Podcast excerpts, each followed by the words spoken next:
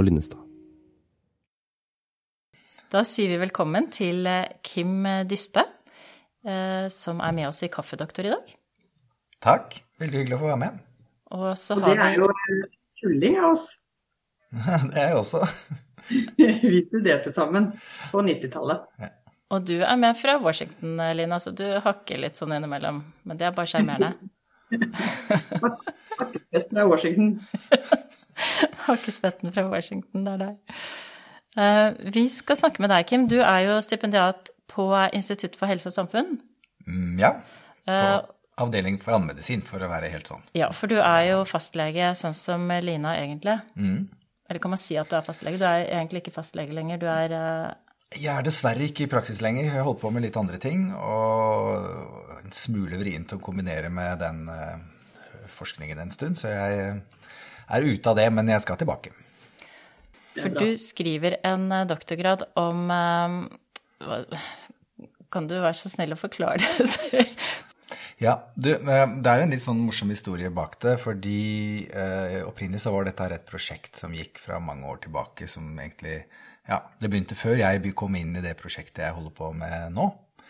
Eh, helt fra begynnelsen av så tror jeg i utgangspunktet det var tenkt som for, for å utvikle en måte å gi informasjon til bl.a. ungdom på som ikke skulle være politisk polariserende. Det var sånn EU-prosjekt. Og så oppdaget man at oi, her snakket ungdom mye om psykisk helse og søkte på nettet etter informasjon. Og så fikk de mye sånn dårlig informasjon på nettet. da. Sånn veldig polarisert fra influensere og fra sosiale medier og andre ting. Så her må vi finne andre måter å informere ungdom på. Og da kom man på dette med sånne samtaleroboter, da. sånne chatbots som det heter. Som er basert på kunstig, kunstig intelligens. Ehm, og så kom jeg inn i prosjektet etter hvert, og da må jeg jo få lov å si, da, uten å si noe galt, men at den teknologien med disse chatbotsene, den var, den, den var spennende og morsom og hadde masse potensial på den tiden, men det fungerte ikke sånn veldig godt. Eh, så eh, også når jeg var, hadde mer røtter i, eh, i kognitiv terapi og klinisk allmennmedisin, tenkte jeg ok, dette datamaterialet som vi har, det kan vi bruke til å undersøke hva ungdom etterspør av informasjon om depresjon. Og så kan vi lage noe som heter sånn psykoedukasjon, som er sånn informasjon som skal være helsebringende. Eh, og også noen sånne enkle kognitive verktøy til bruk i allmennpraksis. Og det var liksom utgangspunktet mitt. Men hele tiden hatt i bakhodet dette med at den informasjonen skal kunne brukes i sånne samtaleroboter. da. Fordi det materialet du har vært inne og kikket på, det har ikke vært fra en chatbot. Det har vært fra typer steder på nettet hvor eh, ungdom er inne og søker informasjon, spør spørsmål, leser seg opp. Ja, Er dette ung.no? Ja, det er ung.no. Eh, Ikke forveksles med Ungdata, for det er noe, noe annet. Det er sånn eh, helseundersøkelse og ungdom. Men eh, dette er ung.no, som er den offentlige drives av Bufdir. En sånn informasjonsside for, eh, for eh, ungdom. Så vil de få informasjon om alt mulig fra eh, førerkort til eh, juridiske spørsmål, og bl.a. helse og, og også psykisk helse. Og så kan de stille spørsmål, da. Der til en sånn Ja. Men utgangspunktet er egentlig informasjon mer enn man tenker retning behandling, ikke sant? Ja, det er i utgangspunktet informasjon, så de får råd og vink. Eh, og så sender de inn et spørsmål til en sånn ekspertgruppe der, bestående av leger og sykepleiere og psykologer. Og så får de svar og råd tilbake, avhengig av spørsmålene sine. Og de tekstene, de er eh, vårt datamateriale. Og det datamaterialet tenker man da kan brukes til å se på fremtidens helsetjenester og kanskje hjelpe de chatbotene til å bli litt bedre. Ja, det kan de. Fordi slutten på denne historien nå, det er at det med chatboter har tatt helt av. Og kommer til å ta helt av fremover. Eh, og det er kjempespennende å sitte i dette akkurat nå. Men vi kommer kanskje tilbake til det litt senere. Men sånn, hovedgreia med det er at disse chatbotene de er blitt utrolig troverdige i måten de kommuniserer på. Med godt språk og alt mulig sånt noe. Men de er programmert til å produsere språk, så hvis de ikke har noe konkret innhold å komme med, så finner de på noe. Og da, blir det den kombinasjonen av troverdig, men ikke nødvendigvis sannferdig, og det er en ganske farlig kombinasjon, så vi jobber med å finne innhold til disse og gjøre det på måter som gjør at de også kan bli sannferdige. Men kan ikke vi bare liksom gå ett skritt tilbake, da? Fordi dette bygger på kunstig intelligens, og alle snakker om uh, AI for tiden. Artificial Intelligence. Eh, Kan ikke du forklare litt hva det er? For det er også så utrolig mange begreper med maskinlæring og deep learning og kunstig intelligens, og hva er det? Hva er det? Ja, du, jeg, har jo, jeg kommer jo inn i dette Jeg er jo ikke noen datafyr selv. Eh, Jeg har jo en litt interesse for teknologi og, sånn. Du er veldig sånn. glad i duppedingser. Jeg er glad i duppeditter, men det, der er det også. ikke sant? Så stopper. Jeg, og så vet jeg jo at det å ha en, en god samtale med Siri på iPhonen Nå skal jeg forresten ikke si navnet hennes, for da skrur hun seg på. Men, eh, men eh, å ha på, på ha en samtale med henne, det, det, er, det er ikke mye vettugt å få ut av det. Det er sånne helt praktiske ting, altså. Det er bedre å snakke med Line og meg. Eh, Veldig mye bedre. Eh, sånn at eh, jeg har prøvd å manøvrere meg selv litt i denne nye jungelen med, med kunstig intelligens og sånt noe i det prosjektet mitt, da. Så, så jeg lært en del der. Eh, Det er jo først og fremst ungdom som er ditt felt, ikke sant? Det er ungdomsmedisin og, og psykologi og psykiatri som er mitt felt der, med, inn mot allmennmedisin. Helt enkelt forklart så er en kunstig intelligent modell, eller en datamodell, det er et dataprogram som kan utføre komplekse oppgaver ved å lære av omgivelsene sine. Omgivelsene, det er forskjellige input til, eh, av data. Alle slags typer data. Og så gir de en output, som er noen sånne svar vi mennesker ønsker på komplekse ting. Um, og så skjer det masse imellom input og output. Men det betyr at det er inputen man må være litt nøye med, da. Eh, ja, det må man. Eh, det må man også, men de skal jo på en måte brukes på områder der ting er komplekst eller vanskelig å forstå. Altså, vi må være nøye med at vi bruker dem på områder der vi ikke kan finne svarene på andre måter. Ved enten å bruke andre dataprogrammer eller ved å være bare oss mennesker og skjønne det. Ikke sant? Så de, de har sine områder der de er egnet, og så har de noen områder der de overhodet ikke er egnet. Så det å, å, å, være litt bevisst på hvor vi bruker det, er litt viktig. Så det kan være alle slags typer data inn. Så det kan jo være at den kan gjenkjenne mønster som vi mennesker ikke kan se. Øh, Og så kan den da klassifisere disse mønstrene etter noe vi har bedt den om å gjøre på forhånd. At vi gir den en fasit, eller det vi kaller en ground truth, innen det dataspråket.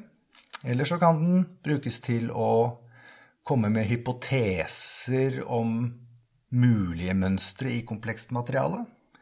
Eller så kan vi be den om å, øh, om å spille spill, altså følge regler som vi har gitt den, slik at vi gir den ikke en fasit, men gir den noen regler å følge. Og så kan den, kan den da generere språk, f.eks., sånn som en del av disse nyere chatbotene gjør. Så det er mange sånne oppgaver vi kan be den om å gjøre. Men tenker man at funksjonen til chatbotene er eh, først og fremst en kartleggingsfunksjon, eller tenker man at det også er en behandlingsfunksjon? Um, den bør egentlig gjøre begge deler hvis den skal fungere helt. Det kommer jo litt an på hvordan man selger den inn, da. Men er ikke det også litt avhengig av hva slags type kunstig intelligens det er? For hvis det er en regelstyrt intelligens, så kan den jo dedusere seg frem til en diagnose basert på et sett med regler. Men hvis du kan be den om å lage en hypotese, så er vi jo liksom litt der kan den tenke selv? Ja, Um, det er en del av disse som kan f.eks. du kan bruke dem til bilder av føflekker, eller altså hudutslett, da.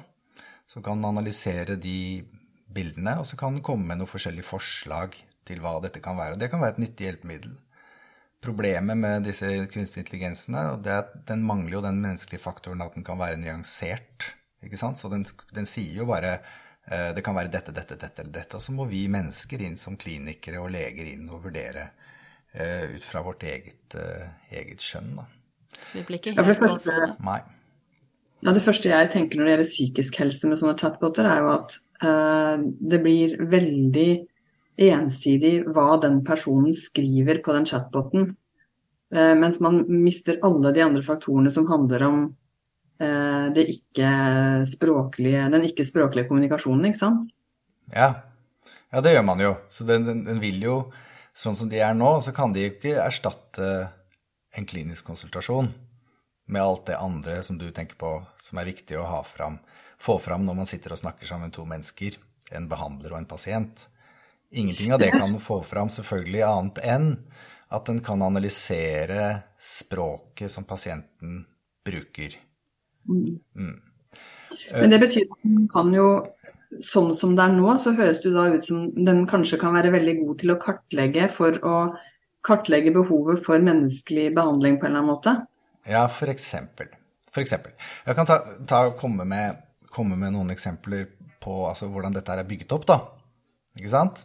Vi, det vi har i disse programmene, er det vi kaller algoritmer, som er sånne oppskrifter. Sånne oppskrifter for hvordan dataprogrammene fungerer.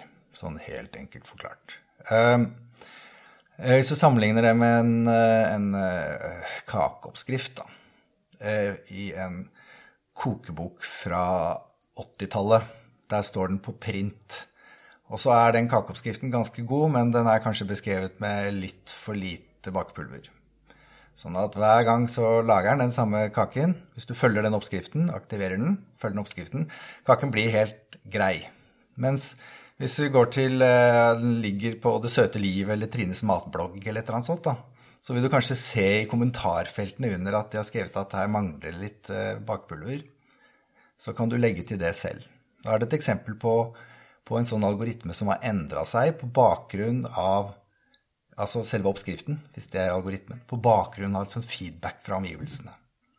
Og det er det disse her eh, kunstig intelligente algoritmene gjør, da. Bortsett fra at de da inkorporerer det direkte, slik at de endrer seg litt ut fra, ut fra feedback direkte fra brukerne. Så det er jo det, er det vi kaller en iterativ utvikling, altså hvor, den, hvor man kan utvikle den på bakgrunn av sånne feedback som kommer hele veien. Ellers er, de, ellers er de trent på forhånd. Det kan man ja. også gjøre. Store mengder data så trener man på forhånd. Så består disse her eh, algoritmene de består av sånne datapunkter, kan vi si, da, som er sånne det vi kaller for, for nevroner, altså datanevroner, som egentlig inneholder tall fra null til én. Bruker de sånne, eh, sånne eh, data, matematiske modeller for å regne ut dette. Og så legger vi til forskjellige lag av disse. Slik at vi til slutt danner ganske sånne komplekse nettverk av sånne nevroner som enten er aktive eller ikke aktive. Og så er det koblinger mellom dem. Og de koblingene kan vi vekte, slik at vi kan bestemme hvor mye den koblingen skal gjelde. Slik at når det da er mange koblinger fra det øverste input-nettverket til ett sånt nevron i den neste så kan vi vekte dem litt, og så kan vi sette en sånn terskelverdi for når den skal aktiveres og ikke aktiveres. Så vi kan justere dette en del. Og så når du legger til flere sånne lag nedover, så får du sånne komplekse mønstre. Og så kommer du til output level med et svar. Og så kan vi si det var det svaret vi ønsket, eller det var det ikke ønsket. Og neste gang ser noe som ligner ganske mye på den inputen hvor vi ønsker det svaret ut, så gir den det svaret igjen. Ikke sant? Så det er på en måte treningen. Men det er, det er, sånn du bygger intelligens, på en måte? Ja, det er det. Og det som, det som, skjer i midten der, i alle disse her mellomlagene, det kan ofte være så mange lag og bli så komplisert at vi kan miste litt oversikt over det. Og da har vi noe som heter en black box. Den gjør rett, men vi vet ikke helt hva som skjer. Er dette chat-GPT? Chat-GPT fungerer også på den måten. Ja. Eh, den chat-GPT-en som har kommet nå, som, ligger, mm, som, er mulig å bruke nå, den er basert på en sånn trening på forhånd. På, på, den har tatt hele nettet fram til 2021, og så har den trent på det. Eh, så ting etter 2021, det finner den ikke. Men den har trent fram til 2021. Så det er den versjonen som ligger inne, og det er GPT3. Så kommer i løpet av 2023 så kommer GPT4. Og det som vil skje der, er at den bruker en litt annen måte å trene på. Den bruker noe som heter sånn forsterkningstrening. Slik at da vil den trene på brukerne. Så den sitter på en måte ikke fast. da. Så der vil brukerne kunne utvikle den på godt og vondt. Um, da lever den sitt eget liv litt, da, når, når brukerne mm. Hvis det er sånn at den endrer seg litt etter hva brukerne sier og responderer på? Ja, det er et godt poeng. Det har vært noen sånne, noen sånne bot-forsøk tidligere. Og da har det dannet sånne Reddit-grupper som skulle prøve å lure den og gjøre den til nazist og rasist og alt mulig. Uh, og, og, til dels fått det til, så de måtte bare stenge den ned, så vidt jeg husker. Oi. Eh, men der ligger det også litt altså Dette er Musk, tidligere Musk-eide firma OpenAI. De har lagt inn parametere for å hindre at det skjer. Men det igjen er jo også problematisk. Her er et privat firma som legger inn parametere for, for skal, hvordan en sånn algoritme skal utvikle seg. da. Og da må en vel også forutse hva som kan være problemet. Uh, i, altså, sånn som du sier, én ting er å legge inn noe sånn at den ikke blir rasistisk eller nazistisk, men, men du må vel vite noe om hva, hvilken vei det kan gå for å vite hva du skal forberede den på at den ikke skal gjøre? Uh, ja, da må man prøve å forutse det. Uh, det er riktig. Men når det gjelder Nå snakker vi om ting som ligger i framtiden. Altså, den chat-GPT som er nå, den har noen sånn 170 milliarder sånne nevroner, så vidt jeg har skjønt. Og så vil den ha mange billioner, den neste som kommer. Altså utviklingen av dette er den er algoritmisk. Så den er tusen ganger mer kraftigere, den, altså den GPT4 som kommer. Um, så det, det, er jo litt sånn, ja Det vi er bare så vidt i starten av dette her. Det som uh, vil være utfordringen, for det første, er jo å finne gi den nok materiale til å trene på. Den som har vært nå, har trent på det informasjonen som finnes på nettet. Den neste vil trene på det brukerne eh, spør den om, pluss eh, fra nettet. Men man kan se en situasjon hvor man faktisk går nesten litt tom for data for disse å trene på, for de blir så kraftige etter hvert. Så det kan være en sånn mulig begrensning. Men dette vet vi ikke ennå. Poenget er bare at dette ligger ute nå, ikke sant? Eh, men at for å bruke det til helse, så skal vi utvikle det på en helt annen måte. For der trenger vi å fòre disse med god helseinformasjon, slik at de kan gi god helseinformasjon til brukerne. For det var litt det jeg lurte på, hvis du ser For det er jo et uthold av muligheter her. Men hvis vi som jobber i helse, da, skal tenke hva, hvor kommer dette inn? Hvor er det vi kommer til å møte det først? Kanskje møter vi det allerede uten å tenke over det? Ja, det, det vi møter det i hverdagen vår allerede uten å tenke på det når vi bruker nett, når vi bruker GPS-er, når vi bruker mobiltelefonene våre. Så, så, bruker vi det uten at vi vet om det. Masse som er AI-generert på, på nettet allerede. Eh, valg av musikk, Netflix som eh, foreslår serier for deg, andre ting. Så vi, vi tenker ikke på det. Eh, vi syns det er greit å få forslag om ting, og så syns vi så tenker vi ikke over at vi kanskje beveger oss innenfor et område der de forslagene vi får, er basert på det vi har ønsket før, og kanskje ikke får åpnet øynene for nye ting. Sånn er det Skal vi passe litt på også som forskere når vi søker opp litteratur, at mye av det også er algoritmebasert? Vi er et lite ekkokammer der òg? Det kan fort være. Innenfor helse så, så, er det mer synlig der vi bruker AI eller ikke AI, har jeg skjønt. da. Så det finnes prosjekter der man bruker AI bevisst i diagnostisering og, og andre ting, bl.a. innen ultralyd og, og, og eh, røntgen, altså radiologi. De ja, fagene særlig, der. Særlig billeddiagnostikk, og det gir på en måte litt mening. For ja. der skal du gjenkjenne mønsteret og se at uh, det er forskjell på tetthet i vev og ja. Det, det, er så, det, er mye lettere å forstå, da. Fordi det med, det med bildediagnostikk er, som du sier, helt, et, et, veldig godt eksempel. For der er det snakk om å gjenkjenne, gjenkjenne disse mønstrene, og kanskje mønstre som vi ikke, mennesker ikke ser så godt. Men eh, det var jo for noen år siden meldt at, eller spådd at uh, radiologer det kommer vi til å se mindre av i framtiden. Det har jo ikke slått til, og høyst sannsynlig vil det heller ikke det. Altså fordi vi trenger likevel mennesker til å bruke dette skjønnet, som jeg tror eller ja, man tror at langt inn i framtiden så vil, vil, kanskje noe kunne gjøre det like bra. Men det er eh, ikke noen utsikter til det nå, altså. Så dette er verktøy. Kanskje det blir mer sånn at første gjennomgang av bildene blir av en eh, robot, og så er det mer at det skal en second opinion for å sortere videre. Man kan få forslag fra en maskin som sier at uh, nyansene på dette bildet tilsier at det kan bety det eller det eller det. Vurderes opp mot andre funn eller andre, ikke sant. Ja. Det var vel sånn Jeg, jeg tror det var sånn Watson fungerte i IBM Watson. Som gikk tilbake i journaler og plukket ut alt som var av parametere og kom fram til, til, til noen forslag. Så og så stor sannsynlighet for det og det og det og det. Men det, det, det ble jo ikke noen suksess. Det får meg til å tenke på Jeg har lest sånne gamle journaler fra virkelig gamle, 100 år gamle journaler, som sånn tidvis er utrolig detaljerte. Uh, og også da vi startet i medisin, så skrev man i hvert fall i psykiatrien ganske detaljerte journaler. De har jo blitt kortere og kortere og kortere. så hvis, det, hvis den skal bygge på nåværende journaler, så kanskje vi egentlig burde skrive dem litt mer utfyllende, sånn at vi får matet den litt bedre. Det blir jo mindre og mindre informasjon i disse journalene. Det blir mindre og mindre informasjon, men det blir kanskje mer og mer data totalt sett. Det er flere ja, og flere som sitter opp. og skriver, og det disse trenger, er jo, er jo store mengder data for å trene.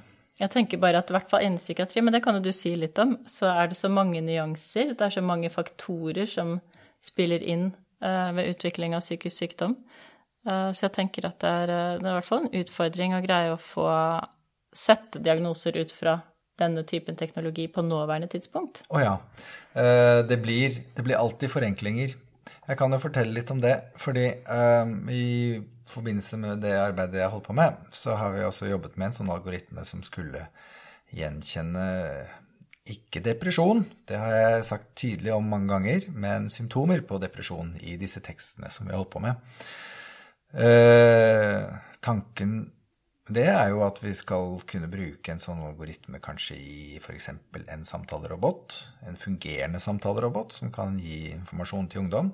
Men da kan det f.eks. være slik at hvis en ungdom snakker med den, gjennom tekst, ikke sant?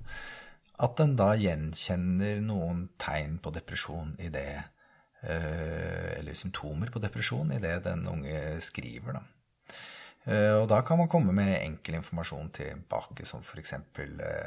Jeg syns Det høres ut som du kan være deprimert, og jeg syns du skal kontakte fastlegen din i morgen, eller eh, legevakten i kveld, eller og andre ting. Her, eh, depresjon er en tilstand som har ganske god prognose når den behandles, og her er det håp hvis du bare kontakter noen, snakker med noen, snakker med en venn. ikke sant? Så komme med sånne ting.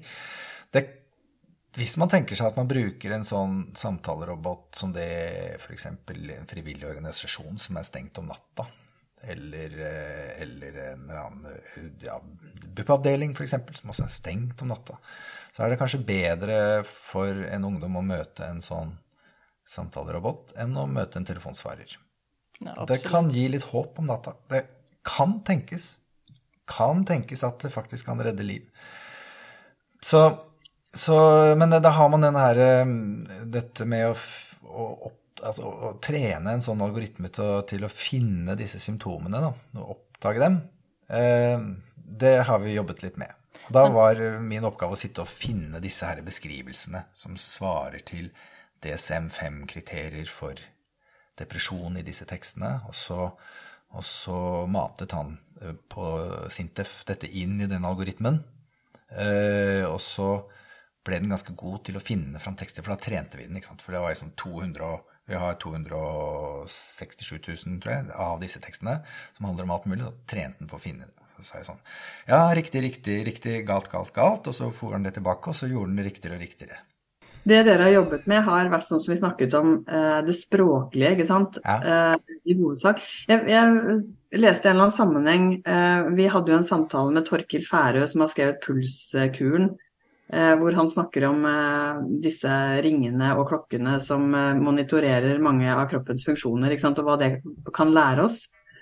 Og så så jeg i den forbindelsen også noen sånne klokker som eh, Eller om det var ringer eller klokker eller hva det var, som eh, i hvert fall også måler eh, eh, hvor fort man puster, hvor fort hjertet slår, hvordan man sover, fysisk aktivitet og mange parametere som kan egentlig si noe om både angst og depresjon, og at det også kan kartlegge, eh, eh, de symptomene på psykisk lidelse eh, og si noe om eh, sannsynligheten for at den personen har, har, sånne plager? Kan du si noe om det? Vet du noe om det? Uh, nei. Når du spør Jeg vet ikke noe om det. Men jeg, hvis man kan resonnere litt rundt det, så, så er det vel uh, slik at Eh, da må du korrigere meg, kjære Kristin psykiater. Men det er vel slik at eh, mange av disse psykiske lidelsene øker stressnivået i kroppen og aktiverer ikke sant? dette med oksidativ stress og disse tingene. Som, eh, som, jo selvfølgelig er å Som man sikkert kan lese ut av sånne, sånne parametere. Men vi snakker jo sånn vitenskapelig sett om assosiasjoner her, da. ikke sant? At man finner det ene sammen med det andre, eh, statistisk sett. Eh, så vi, vi kan vel ikke si noe at, om at vi finner de og de parameterne på pulsklokker og ringer og andre ting, og derfor så Nei, jeg bare tenker at sånn som jeg forsto det da jeg leste om det, så var det som en hjelp i kartleggingen. ikke sant? At man eh, ikke som en sånn diagnostisk eh, sannhet, men mer som et hjelpemiddel for å si noe om sannsynligheten for at denne personen plages av noe sånt noe. Ja, det er små brikker i det store bildet. Jeg tenker at det kanskje er litt sånn å gå den andre veien rundt. At det er litt sånn rar måte å oppdage at noen er deprimert på. Eh, jeg ville, jeg ville kanskje tenke at eh, du kan oppdage at du er stressa, du kan se eh, den typen Du kan få den typen informasjon om deg selv da, og se søvnmønsteret ditt og se at det er veldig dårlig, og reflektere over det.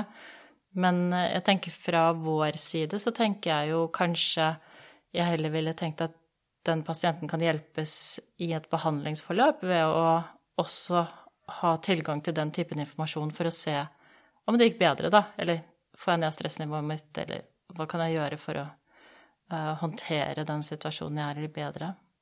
Men å, opp, men å, oppdage, å, oppdage at du er deprimert pga. klokka di, tror jeg kanskje er litt vanskelig.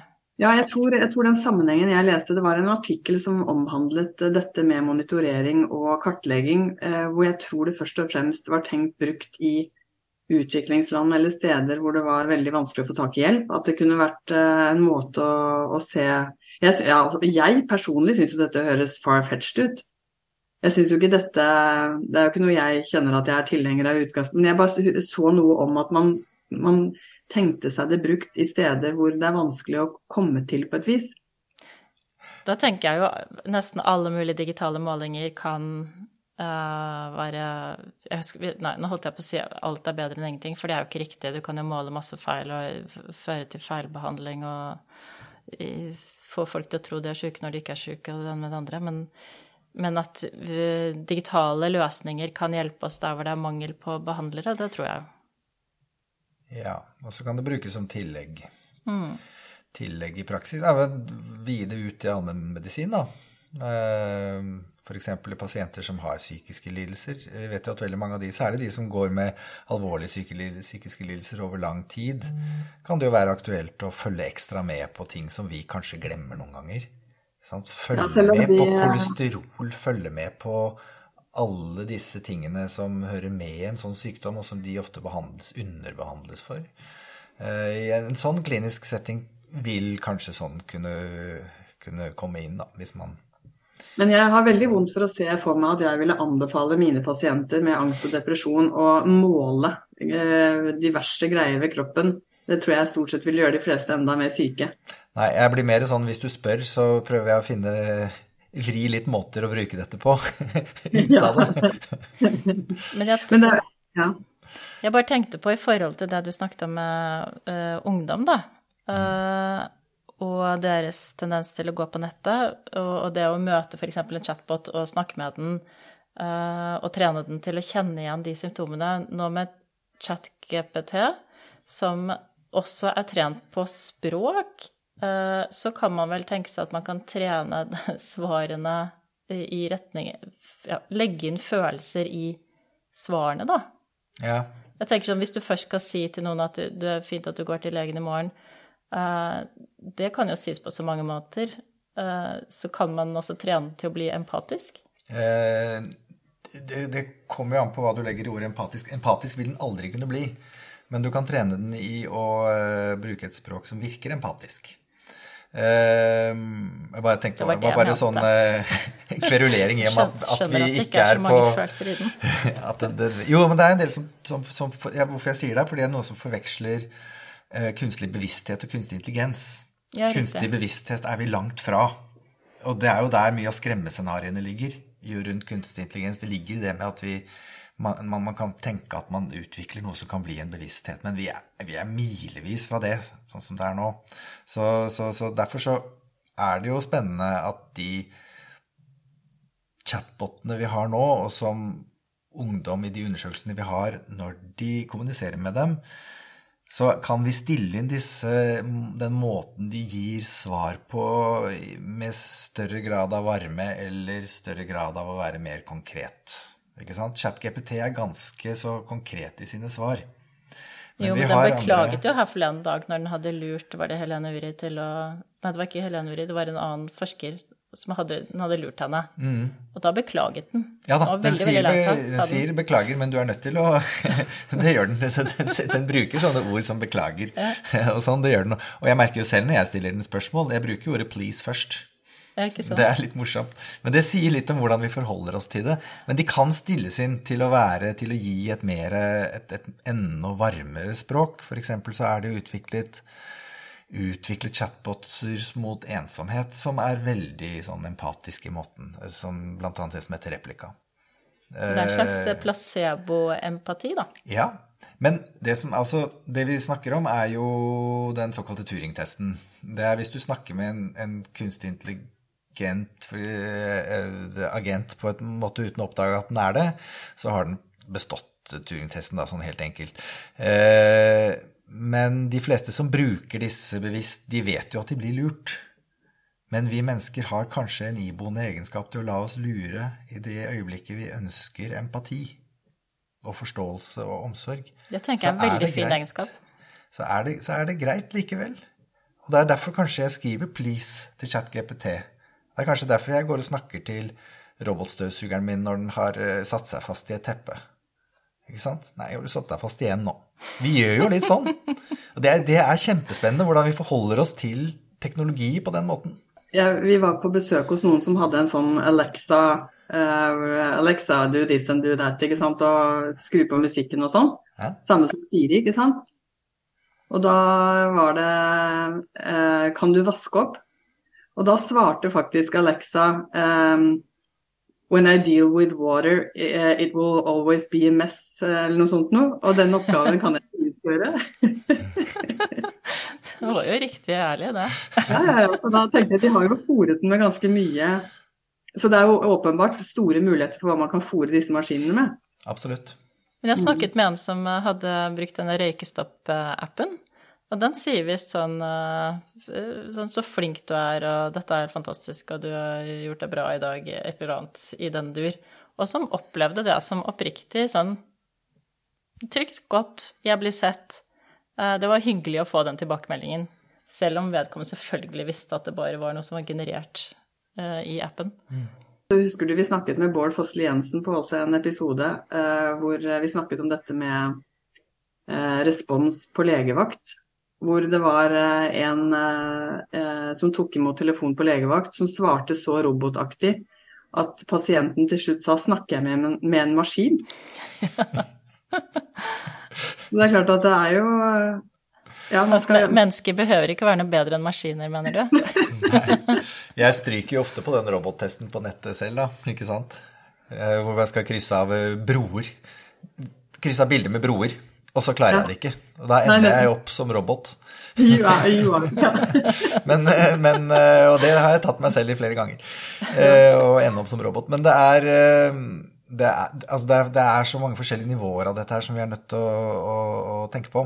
Det er eh, utvikling av utvikling av teknologi som kan brukes til å eh, klassifisere forskjellige typer symptomer.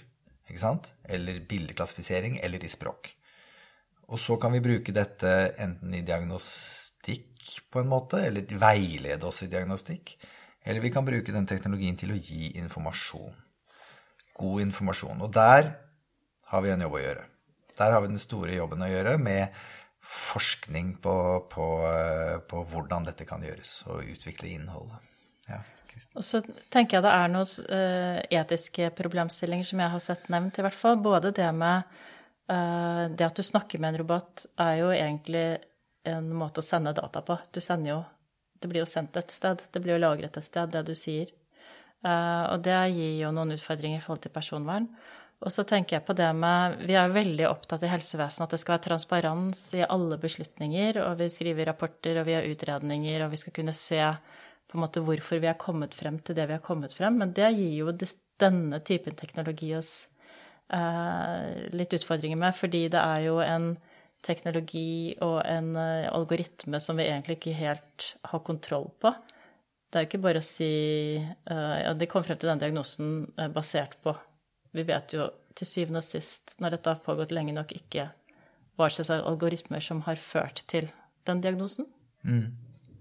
Det er riktig. Men um, samtidig så hvis vi er nøye på å, å, bruke dem på systemer der vi ellers ikke hadde klart det, så kan man si at ok, um, sånn er det. Fordi et menneske hadde ikke klart å gjøre det bedre. Det var litt med den jeg holdt på med på Sintef, den algoritmen hvor vi sitter og fòret den med disse ordene fra, som skal på en måte representere depresjonssymptomer. Eh, etter hvert som den trente, så brukte den først de ordene. Men har vi trent den lenge nok, så begynte vi å gå og se på hva slags ord den brukte, og da var det helt andre ord. Eh, som menn ikke og Altså litt, litt, andre ord enn de hadde lagt inn, og da hadde den endret. Da hadde den begynt å ta i bruk sine egne ord. Ja. Og kombinasjoner av disse ordene. Og da blir det en sånn Da kan man kalle det en black box. Og så sier man er det greit at det er det, da? Og da er vel ofte svaret sånn at eh, ja, for ellers hadde vi ikke brukt AI. Eh, da kunne vi jo funnet ut selv eller brukt et vanlig tekstsøkverktøy, som er mye enklere. Så det er litt med bruken av det også. At vi bruker de på områder der, der, dette, der det er vanskelig for oss mennesker å se disse mønstrene uansett. Så vi, hvis vi er bevisst på det, så, så kan det forsvares. Jeg tenker det åpenbare som jeg kjenner jeg sitter og brenner inne med, eh, som er eh, sikkert åpenbart for oss alle tre, er jo risikoen med dette. At man ser for seg et skrekkscenario som jeg tror alle også som hører på, eh, er redd for. Hva, hva, mener man med å bytte ut mennesker med maskiner? Og det er jo en sånn åpenbar sak som jeg tenker vi kommer ikke unna å um, si noe om det også. Fordi det er jo eh, Man kan si hva man vil om at eh, AI kan hjelpe oss til å eh, ta bedre beslutninger som mennesker. Men eh, i den grad man føler at de tar over noe som burde vært menneskelig fordi man ikke har kapasitet på det menneskelige planet, så, så er det jo skremmende. Jeg tror personlig så tror jeg dette er så Foreløpig, i hvert fall. Jeg tror det kommer til å være det i lang tid. Det er avhengig av mennesker i tillegg til den teknologien. Uh, og jeg syns jo, selv om det kommer til å skje kjempestore ting, så tenker jeg det menneskelige skjønnet uh, oppi dette her kommer til å være ganske tilstedeværende i veldig mange år fremover. Så jeg er egentlig ikke sånn kjemperedd, jeg. Jeg tenker at det kanskje blir, blir mer et verktøy ja, vi må igjen ikke sant, være bevisst på hvor det lønner seg å bruke dette, og hvor vi ikke kan bruke det. Eh, så hvis det er slik at eh, et presset helsevesen gjør at man presser inn teknologi på områder der det åpenbart ikke er egnet, eh, så er det en skummel utvikling som vi skal ha et sånt ganske klart etisk blikk på framover. Det er dessverre sånn når det gjelder teknologiutvikling, at den går raskere Den går ofte raskere enn forskningen på den. Utviklingen går raskere enn det, og den går ikke minst raskere enn etikken. Den kommer ofte halsende etter. Eh, så det skal vi være veldig nøye på, på eh, framover med dette. Og ikke minst styrer økonomien retningen. Ja. Jeg tenker det det er penger i, eh, trumfer jo det meste. Mm. Men så åpner det også andre ting. ikke sant? La oss si at dette kan dette kan brukes på områder som vi har brukt mye menneskelig kraft på tidligere. Vi vil, vil som Kristin sier, da, ikke kunne la denne teknologien erstatte menneskelig kontakt.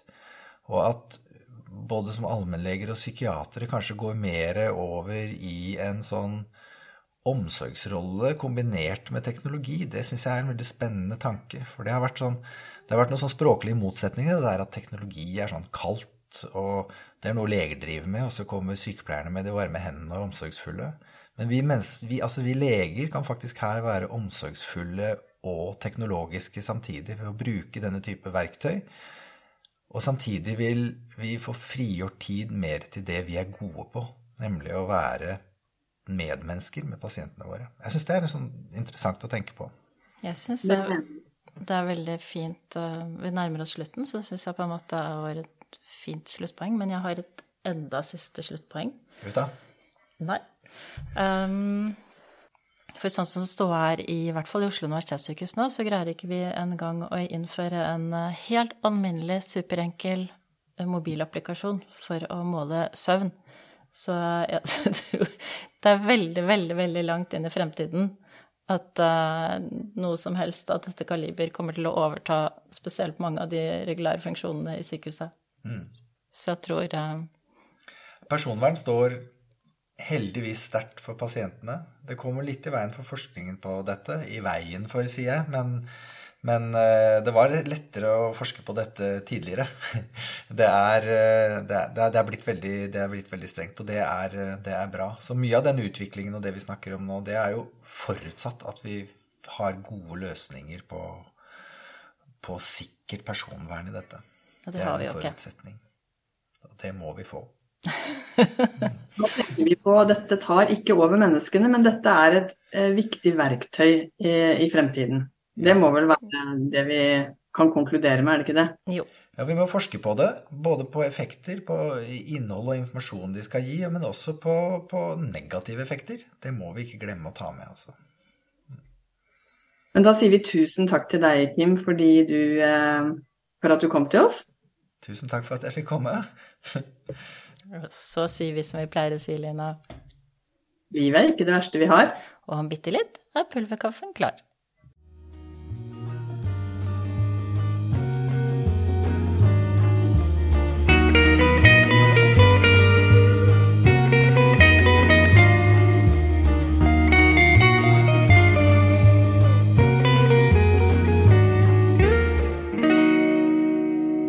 Kaffedoktor med Rom og Linnestad.